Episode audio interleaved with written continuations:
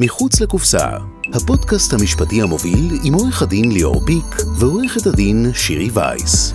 בוקר טוב, חברות וחברים, יום חמישי, שבע בבוקר. אנחנו פה בתוכנית נוספת של הגל החדש, עם אורחת מקסימה, השותפה, האחת והיחידה שלי, שירי וייס, עורכת דין שירי וייס, אז קודם כל אהלן, בוקר טוב. אהלן, בוקר טוב. והולכת להיות לנו תוכנית סופר מעניינת היום על תחום הנדל"ן, מה המגמות, דברים משפטיים שצריך להיזהר, בארץ, בחו"ל, הולך להיות מאוד מאוד מעניין. אה, אז בשנה האחרונה שוק, כל העולם עובר טלטלה מטורפת. כן. הכל משתגע, קורונה, עכשיו יש לנו גם אה, מצב ביטחוני, אבל בעיקרון כל העולם משתגע, ונראה שכאילו יש מגמות בטח בתחום הנדל"ן, שהולכות להישאר איתנו לתקופה ארוכה.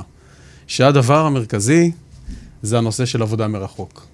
כולם מדברים על זה שעכשיו כולם יעבדו מרחוק, מהבית, וזה משבש את הכל לחלוטין. כן, זה אז נכון. איך את, אז איך את חווה את זה ככה מה... מה, ש... מה שאנחנו רואים גם במשרד, ה... בגלל כל העבודה מהבית, אז יש ביקוש גם, אה, גם לבתים פרטיים, גם לדירות יותר גדולות שיש בהן עוד חדר, איזשהו משרד חיצוני לבית, אם זה יחידת דיור כלשהי שצמודה לבית, כדי שזה גם יהיה נפרד לחלוטין מהבית, ו... ואותו בן אדם באמת יוכל לעבוד מהבית כמו שצריך, במנותק מהילדים, מהמשפחה, ו... אני קורא לזה חדר עם דלת. דלת שאפשר לסגור ובאמת להתנתק. נכון. כי בסך הכל אם את לא מתנתקת, אז את כל הזמן תקועה עם כל ה... לא תקועה, אבל יש תמיד כל מיני עניינים, ופה הילד צריך פיפי, ופה צריך משהו, וכאילו זה, ובסופו של דבר נהיה, נהיה סלט. דלת, אם אפשר לסגור אותה, כאילו, ובאמת להתנתק ולעבוד, אז... כן, זה מאפשר באמת את, ה... את העבודה בשקט, אה, בניתוק, את השיחות זום, את כל, כל מה שצריך בעצם אה, במסגרת העבודה עדיין. אפשר עם, להישאר עם מכנסיים קצרים בזום, אבל... בחולצה מכופתרת. בחולצה מכופתרת. אבל לפחות אה, יש איזשהו ניתוק מהרעש בבית, זה נכון. ואז בעצם אנחנו רואים שכאילו העדפות משתנות, זאת אומרת, אנשים רוצים בתים או דירות יותר משתנות. גדולות, כן, אנשים גם יוצאים מחוץ לעיר. ולא אכפת להם לגור. נראה לי גם שאנשים הבינו, אה, אתה יודע, משפחה בדירה, אה, שלכל אחד יש חדר ואין מרפסת, גם אם היא בתל אביב, בתקופת קורונה או בתקופת בידוד, זה מאוד מאוד קשה. מאוד. אה, זה, זה סיר לחץ קצת, ואנשים הבינו שצריך מרפסת, צריך קצת לצאת, צריך כאילו... חצר אולי. ובשביל זה צריך לצאת מחוץ לעיר, כ- מהמם. כדי באמת לאפשר את זה גם מבחינה כלכלית. אז אנחנו רואים שבאמת העסקאות של הבתים הפרטיים נהיו, זה באמת מטורף. זה פשוט מטורף. אנשים מחפשים בתים פרטיים בכל, ה, בכל המעגל בעצם שמסביב לגוש דן. אה, המחירים עלו. בכלל, בכלל כמות העסקאות עולה בצורה מאוד מאוד העסקאות עולה. משמעותית. כן, כאילו, היה... כולם רוצים לקנות דירה פתאום. כולם רוצים לקנות דירה, כי הכל נעצר, ופתאום המחירים עולים, נראה לי שהם גם רק המשיכו לעלות. אה, מי שיכול להרשות לעצמו היום, נראה לי שכדאי, כי כל הזמן המחירים משתנים, כל הזמן הם עולים. כן. גם אה, יש תחושה קצת שכל הנושא של הדיור למשתכן וכל הדברים האלה, בעצם הרבה, הרבה אנשים עצרו את הזה, רצו לראות מה קורה, חיכו קצת, כן. ופתאום הכל מתפרץ. חיכו, לא הרבה קיבלו, לא הרבה אה, זכו בהגרלות, גם אנשים שזכו בהגרלות לא באמת מימשו את הזכייה שלהם.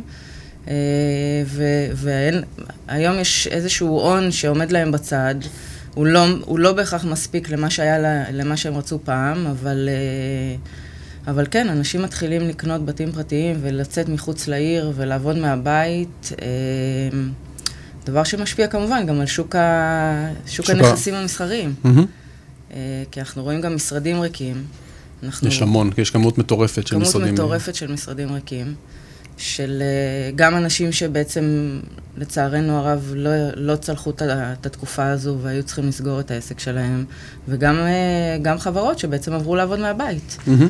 אה, אז יש כמובן חברות שעובדים מהבית יום-יומיים בשבוע, והמון חברות אה, שמשאירות את המשרדים שלהם לפגישות, לישיבות חשובות, למי שכן רוצה להגיע, כי בסופו של דבר, אתה לא יכול כל הזמן להיות בבית. אתה, אתה צריך גם לצאת מהבית, אה, להתלבש, לראות אנשים, אינטראקציה בין אישית, זה, זה דברים שהם חשובים מאוד לבסיס של הבן אדם, כאילו, מהמם. אה, בסופו של דבר. אז, אה, אבל כן, אנחנו... אז אולי ש- באמת אה, ככה מהזה כאן ננסה לתת כמה טיפים כזה לעבודה מהבית, קודם כל. שאני בעיניי, באמת, כמו שהתחלנו כבר, הדבר הראשון זה דלת. באמת הדלת, באמת הניתוק הזה, כאילו בעצם לעשות איזושהי הפרדה, זה לא ממש ניתוק, אבל איזושהי הפרדה, שבאמת הולכים... שתיים, אני חושב שגם מאוד מאוד חשוב, בטח בתקופות, וראינו את זה בתקופות שהיינו הרבה בבית, בן אדם צריך לקום בבוקר, באותה שעה, כן. להת, להתרחץ, להתארגן, לשתות את הקפה, להתלבש, נכון. ולעבור לחד- לחדר, אבל בעיקרון לעשות את התהליך הזה. זאת אומרת, גם כאילו לשנות בזה שבעצם עכשיו הוא הלך לעבודה, זה לא משנה שהעבודה היא, היא באמת אה, אה, אה, בחדר ליד. אה, זה דבר ראשון. דבר שני, אני חושב שמאוד מאוד חשוב, בגלל שאנחנו בעצם... אה, הכל מתבסס על זה ועל העבודה מרחוק, אז בעצם צריך קו אינטרנט טוב. כן, צריך תשתית צריך טובה בבית. תשתית טובה, כן, צריך מחשב. טלפון או לא יודע מה, סלולרי או משהו, זה מחשב נורמלי, זאת אומרת, באמת שיהיה כאילו אה, תנאי עבודה אה, אה, סבירים, אבל מה שמדהים הוא שפתאום מבינים כמה העולם הוא קטן. באמת, עם הזומים האלה היום כן. וכל ה... כאילו, ה- והתחליפים. שלהם, זה מדהים, כאילו, באמת, מה שפעם היינו בכל דבר קטן, טק, טק, טק, נוסעים תואר וזה, בייל אתה יכול לעשות מהבית, כאילו הכל, הכל, כן, הכל כן, נהיה נגיש בטירוף. כן. ב- בעניינים האלה. אה, וגם זה גם חוסך מלא מלא זמן.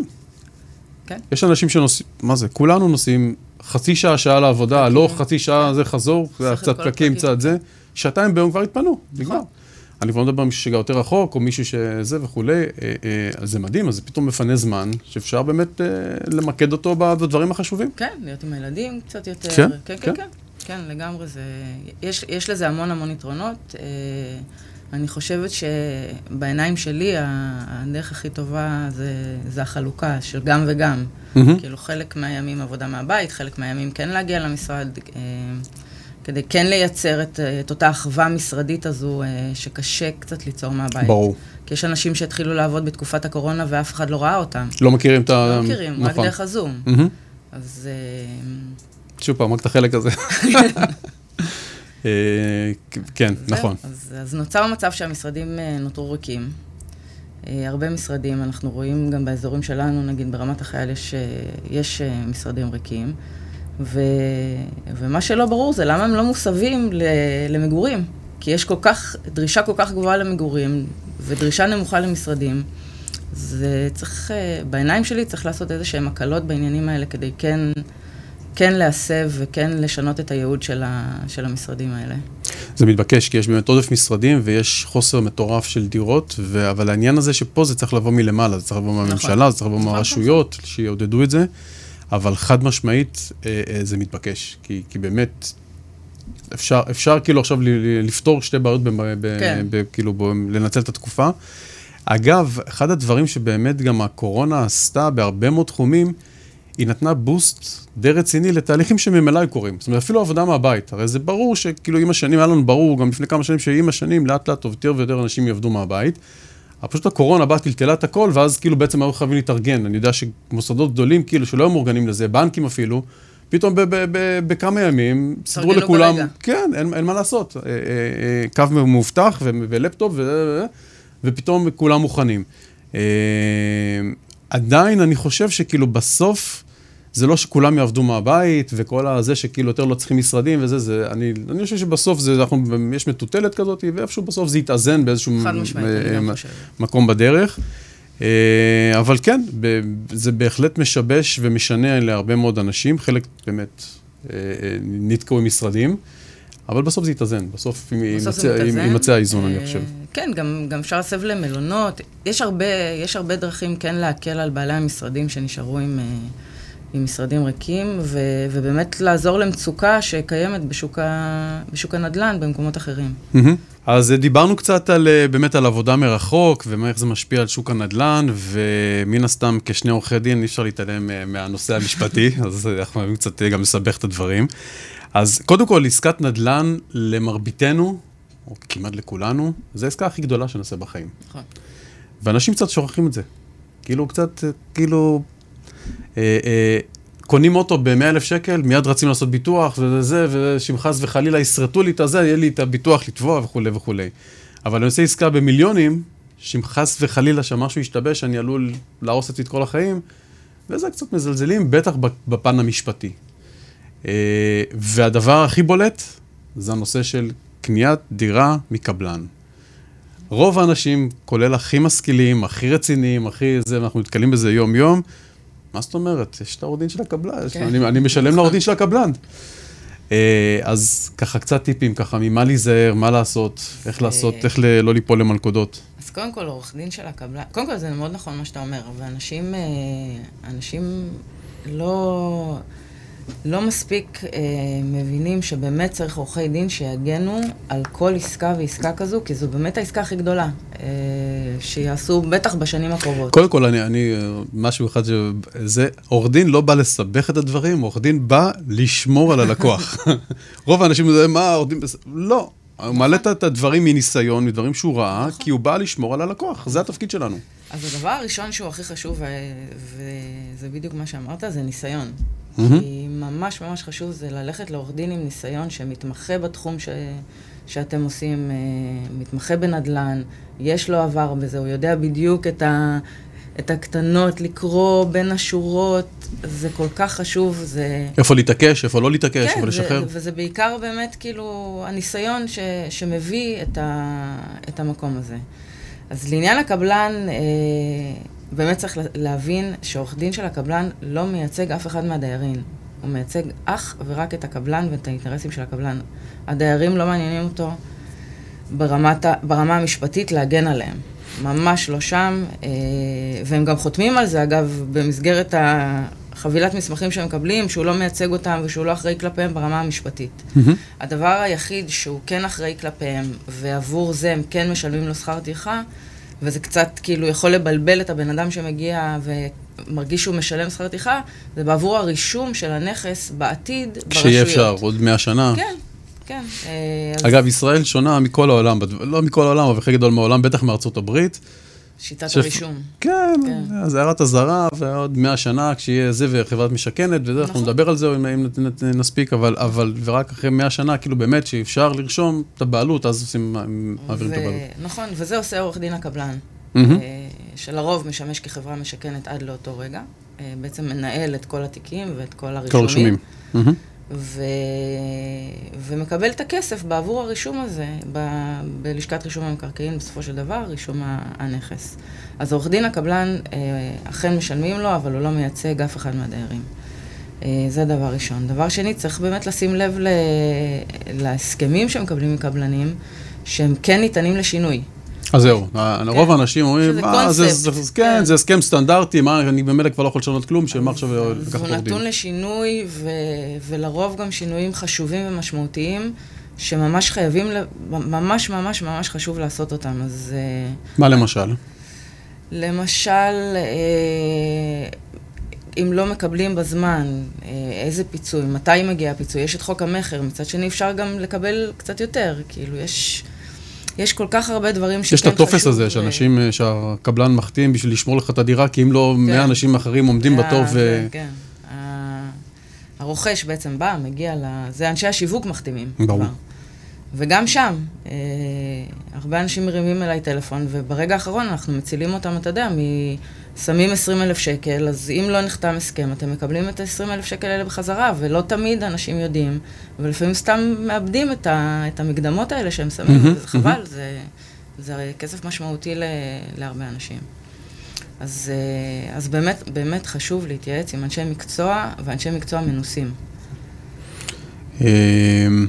אני תמיד אומר, כמו שאני כואבת לישן, אז אני לא הולך עכשיו ללמוד רפואה וזה, ואני גם לא אלך לרופא שיניים כנראה שסיים לפני יומיים את הלימודים, אני אלך למישהו עם קצת יותר ניסיון, אז בטח בעסקאות כאלה אה, אה, צריך להתייעץ עם עורך דין. אה. עכשיו, מה קורה לגבי, אם זה לא עסקאות נדל"ן, אם זה עסקאות בין אנשים פרטיים, כבר דירה קיימת וכולי? גם צריך לשים לב, עכשיו מה שדיברנו, ש... שיש את הביקוש לכל הבתים הפרטיים, אז, mm-hmm. אז כל עניין חריגות הבנייה. כן, זה מכה. זה מטורף, זה מטורף. כמעט כל, כל עסקה שאנחנו נוגעים בה, אה, יש בה חריגה כזו או אחרת. עכשיו, זה בסדר גם לקנות עם חריגות בנייה, זה, אבל צריך לדעת למה אתה נכנס. Mm-hmm. אתה חייב לדעת מראש. ולפעמים אם אין לך את הייעוץ הנכון, ואת כל האנשים שבאמת מייעצים לך במקום הזה, אתה לא בהכרח יודע, ויש לנו לקוח שעשינו לו לא מזמן עסקה, שמכר בית ולא ידע בכלל שיש לו חריגות בנייה. הוא, לא, הוא קנה אותה, את הבית ככה, והוא היה, היה בהלם. כי הוא לא עשה את החריגות בנייה, הוא קנה את זה עם החריגות בנייה. זה, זה בסדר לקנות עם חריגות בנייה, אבל זה מאוד מאוד חשוב לדעת מה אתה קונה, אה, מה החבילה. אה, צריך גם עוד להבין שכאילו בעצם חריגות בנייה, יש חריגות שאפשר לתקן אותן, ויש חריגות לפעמים שגם לא ניתן לתקן אותן. אי אפשר להכשיר כל חריגה, נכון. ואז בן אדם צריך להבין שכאילו יכולים יום אחד לבוא וגם כן. להרוס לו, כן. וזה גם פלילי. יש כן, פה, יש פה נכון, השלכות, אה, נכון. זה, זאת אומרת, אז נכון ש... פתאום להוריד את החדר של הילד. נכון, כאילו, כן. נכון, כי כן. הרבה פעמים סוגרים איזושהי חנייה, אבל תכלס, אם, בא, אם באים לביקורת, צריך לפתוח את זה מחדש ולהחזיר את זה לחנייה, כי זה חנייה. כן. אה, אז חשוב מאוד להבין קודם כל בכלל איפה אנחנו נמצאים ומה הסיכון באמת, שלא נגלה פתאום שיש לנו בשני חדרים פחות. אה, וגם נתקלנו במלא מקרים שפתאום, שגם בנו על הזכויות של השכן בכלל ועל כל מיני כן. זכויות אחרות, כן, ומשהו כן. שבכלל היה אסור לזה, אז כמובן...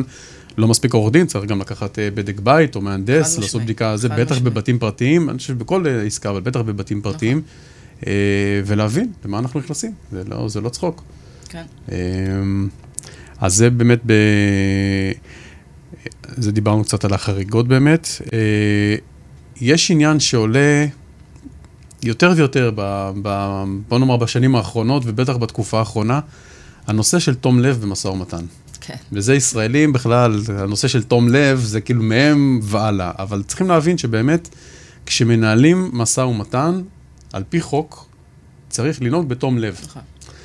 אז תום לב יש לו הרבה השלכות, כמובן צריך לתת את הפרטים, ולא לשקר, ולא לרמות, ולא וכולי וכולי, אבל אחד הדברים שאנחנו נתקלים בהם יותר ויותר בתקופה האחרונה, זה שסגרנו בינינו, אוקיי, אני קונה את הבית, זה לתנאים, זה המחיר, טה-טה-טה-טה-טן, ובדרך לעורך דין, או לפעמים כבר בתוך הטיוטות, פתאום בא קונה אחר ונותן עוד איזה 50 אלף שקל או 20 אלף כן. שקל, ופתאום נהיה שקט לאיזה רגע, ויש קונה אחר, ו... אה, אה, אגב, זה, אני רואה את זה דווקא עכשיו הרבה יותר ממה שהיה פעם. Mm-hmm. כאילו אנשים מחפשים למקסם כל הזמן עוד ועוד ועוד.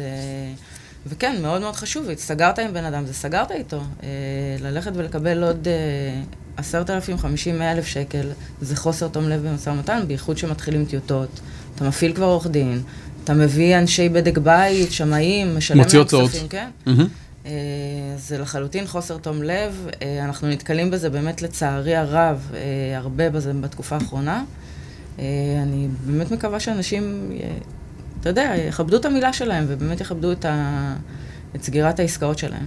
לא, וגם צריך להבין שבן אדם שעושה את זה, הוא חשוף לתביעה, לא יעזור כלום, הוא חשוף לתביעה. נכון. אה, אה, על כל הנזקים שהוא נכון. בעצם גרם לצד נכון, השני. קודם כל יש באמת נזקים כלכליים נכון. פרופר שהוצאת מהכיס. Mm-hmm. אה, שזה דבר ראשון. ודבר שני, אתה יכול להיות במשא ומתן, אתה ויתרת על בית אחר, המשכת עם הבית נכון. הזה, הבית שוויתרת עליו כבר לא יהיה רלוונטי אחרי שחזרת. זה, יש לזה הרבה השלכות. יש לזה הרבה השלכות, ו... וזה גם לא נכון מוסרית, אני, אני באמת לא מאמינה בזה מוסרית. Mm-hmm.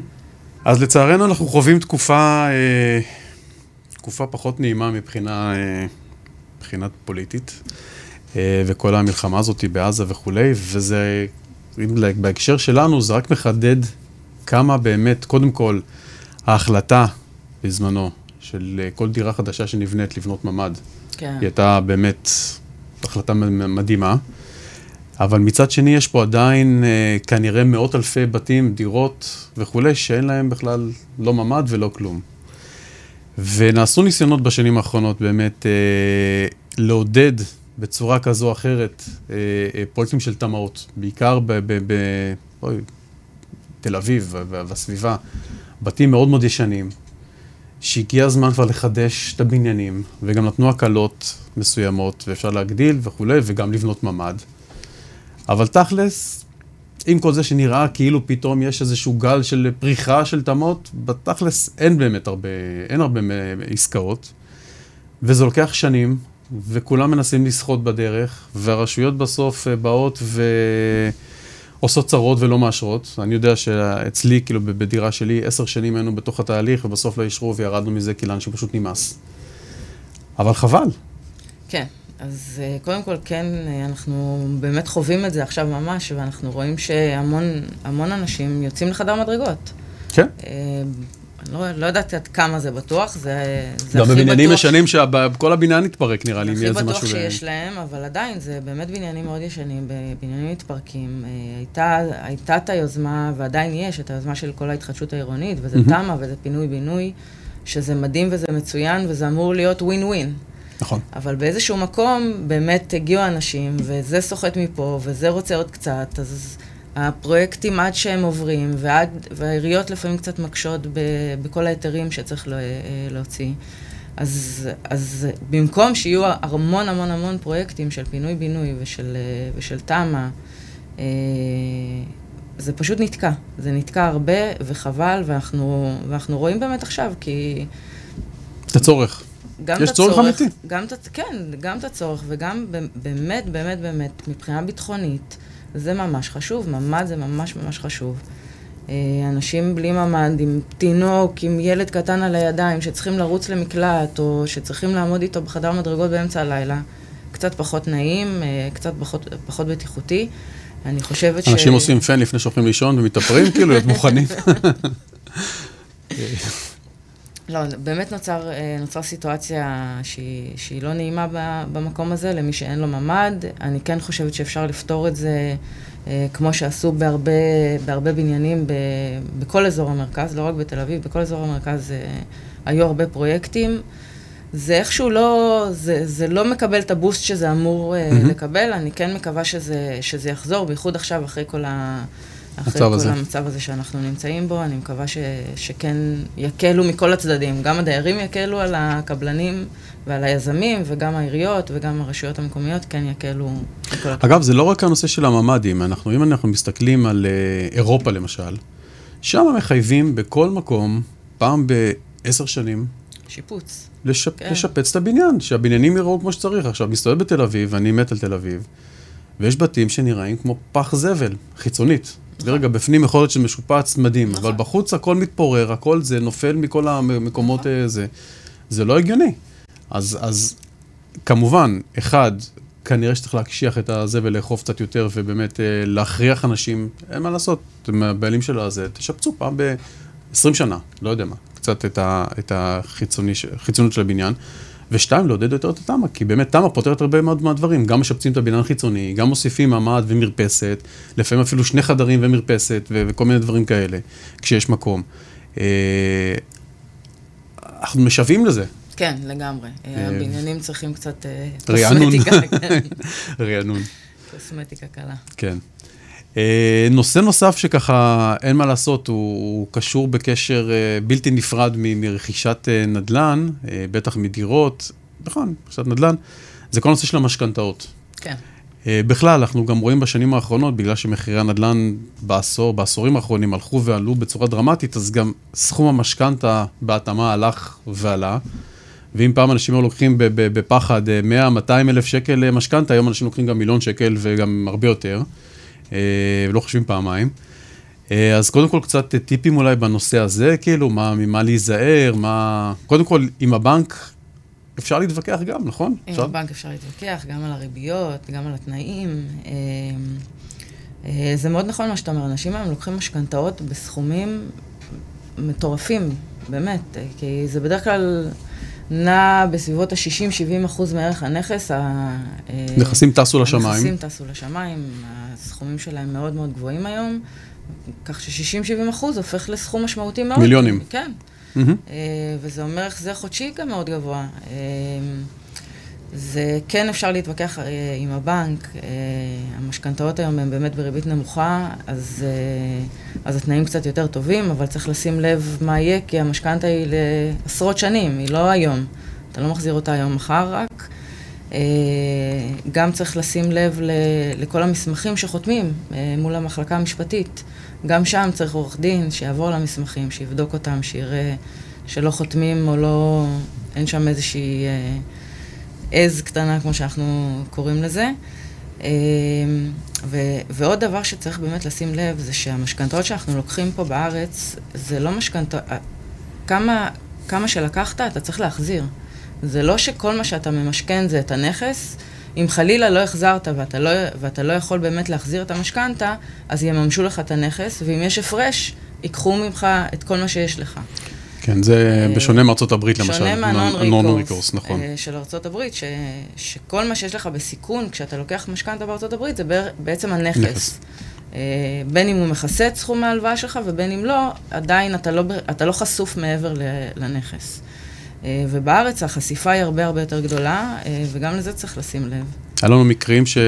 של לקוחות שהסתבכו לפני עשרות שנים עם, בארץ ועזבו, ואחרי 30 שנה חזרו ולא, ובנק X אמר להם, אדוני, יש לך פה עדיין יתרה של חוב שלא שילמת, של 15 מלפני, לא יודע מה אומרים, התיישנות, לא התיישנות. אתה רוצה לפתור פה חשבון, אתה רוצה לקחת אשראי, אתה רוצה לעשות בעסקים? בוא בבקשה, קודם כל תסגור את החובות. אז כן, בארץ ירדפו אותך עד המוות, אה, וגם לפעמים אחרי, אה, אה, לגבי חובות, בשונה באמת מארצות הברית.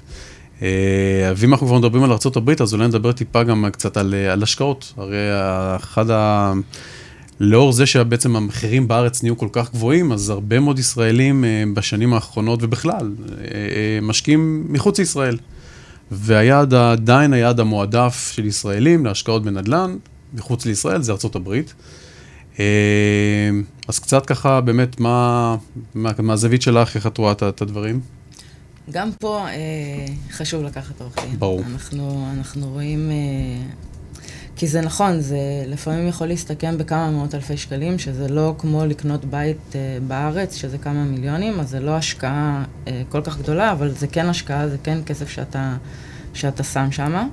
אה, וצריך לראות איך, איך מתאגדת בכלל הקבוצה, אם זו קבוצה, אה, מי זה בכלל היזם. אה, מה, מה יש לו שם בארצות הברית, מה, עם מי הוא עובד בארצות הברית. אה, צריך להבין איך עובד בכלל כל המצב בארצות הברית. אה, הרישום מהמם. הוא הרבה יותר פשוט, הוא הרבה יותר נוח, השאלה עם מי היזם עובד.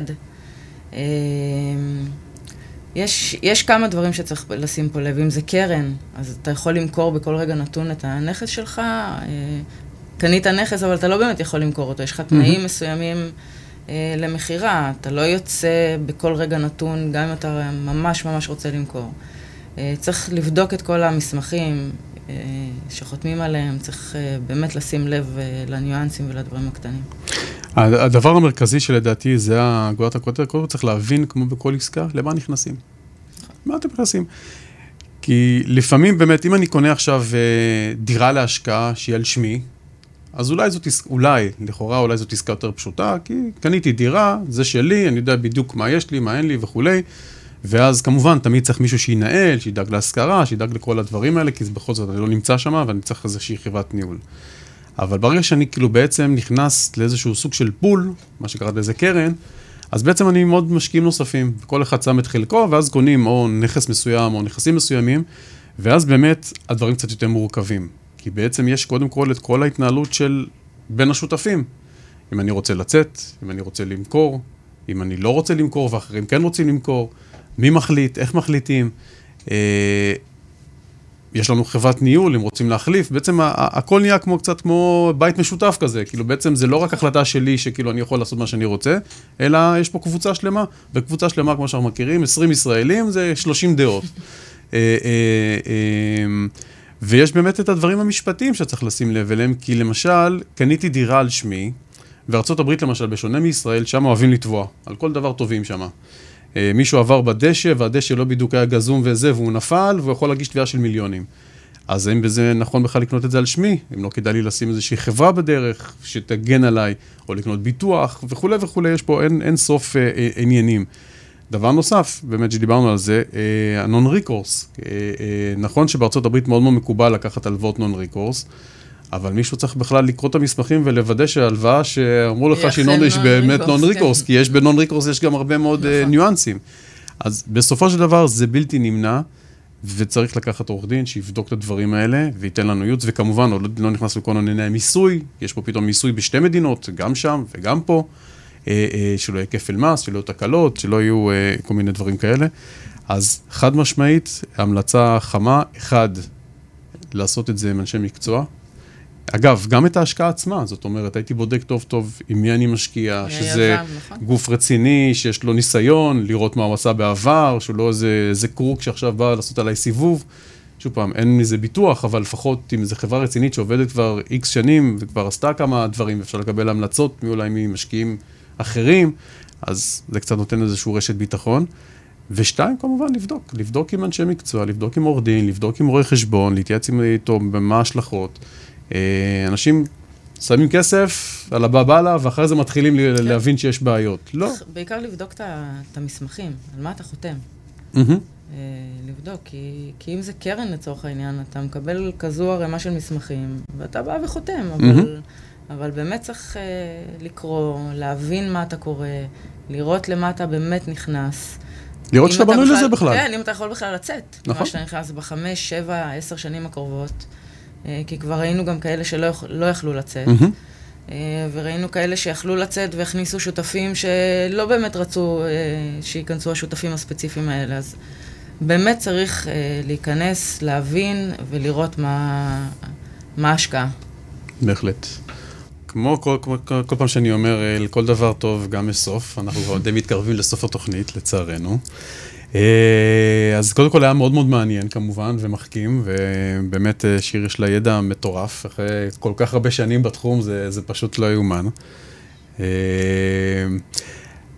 אז הבנו את הצורך בעורך דין, והאמת היא שככה, אני ככה לסיום ככה הייתי רוצה באופן זה ככה, כמה מילים שלך ככה לאור המצב, לאור איך שאת רואה את הדברים, ככה, מה, מה יש לך לשתף אותנו? בגדול נראה לי שהמצב מתחיל להיות מאוד אופטימי, האמת, ומאוד אה, אנשים כן, אה, כן יוצאים מהמשבר. אה, נכון שיש כאלה ש, שיצאו פחות טוב מהמשבר, אבל אני רואה שאנשים כן יוצאים מהמשבר ויוצאים ממנו טוב, אה, ועושים דברים יפים, וסך הכל אני אופטימית. כן. אני, אני נוטה להגיד שבעצם כל משבר הוא גם הזדמנות. נכון. אה, אז כמובן, תמיד יש, תמיד, אין מה לעשות, זה בלתי נמנע, יש כאלה שהם תמיד בצד המפסיד, הזה. אגב, אני חושב ששוב פעם, גם בתחום הזה, נראה לי שלפחות הקורונה נתנה בוסט בעצם להרבה מאוד עסקים שממילא כבר איכשהו דשדשו וכבר היו צריכים ככה כנראה לסגור או להתייעל, ולא עשו את זה. זה היה להם boost וכאילו, והוציא אותם קצת מהמשחק, לצערנו, כאילו, אני ליבי איתם, אבל, אבל זה... ומצד שני גם אני רואה, אנחנו רואים לא מעט עסקים שכאילו באמת לקחו ועשו איזה shifting בכל מיני תחומים, ועפו לשמיים, ממש. כאילו, וניצלו את זה גם להתייעלות, גם לבאמת אה, אה, לעשות שינויים שהם היו מן הסתם צריכים. עכשיו, מה שקורה הרבה פעמים בשוטף, כשאנחנו בתוך העשייה, אין לנו זמן לעצור רגע ולעשות את הדברים, הזה שהם נדרשים. כן, הקורונה אפשרה פתאום זה עצר את הכל, כן. ויש איזה פאוזה כזה, ואת יכולה להגיד, רגע, אוקיי, עכשיו אני מבין שאני הולך לתקופה של אי-ודאות, אז בוא נראה רגע איפה אני יכול לצמצם, לחסוך ולסדר את הדברים, ואז עושים תהליכים כאילו שהם חיובים בסופו של דבר, וזה בריא לעסק. אז נכון שבכל תהליך כזה יש גם אנשים שנפגעים, פתאום מפטרים עובדים, ופתאום עובד לא, יושב בבית ולא מוצא עבודה, למרות שגם לזה בסך הכל נראה שהמדינה די דאגה, כאילו בצורה כזו או אחרת, עם כל זה שיש לנו גם ביקורת על הדברים האלה, אבל אני חושב שבסך הכל, אם מסתכלים על זה, זה, לא נעים להגיד, כי זה כאילו תקופת משברית, אבל, אבל זה כן עשה טוב, זה כן עשה טוב. אפילו בקטע של איכות סביבה, פתאום אנשים לא נסעו כל כך במכוניות, לא נכון. טסו. קצת העולם נושם רגע, כאילו מחזיר לעצמו קצת את החמצן הזה שהוא כל כך uh, זקוק כן, לו. כן, יש המון דברים חיוביים. אז יש. גם הרבה דברים חיוביים בכל דבר, וצריך כגישה אותם. לראות את הדברים נכון. החיוביים, כן, אנחנו מתעוררים בבוקר, השמש זורחת, ואנחנו בריאים, הכל טוב, מפה זה כבר שלנו. אומרים תודה ומתחילים בחיוך. לגמרי, לגמרי. אז uh, בהחלט בנימה הכי אופטימית בעולם, אנחנו מאחלים לכם שיהיה לנו קודם כל שקט, שיפסק קצת כל הבלגן הזה. אה, תעשו דברים טובים, תהיו אנשים טובים, וניפגש פה ביום חמישי הבא, ב-7 בבוקר. ביי, יום טוב. ביי, להתראות.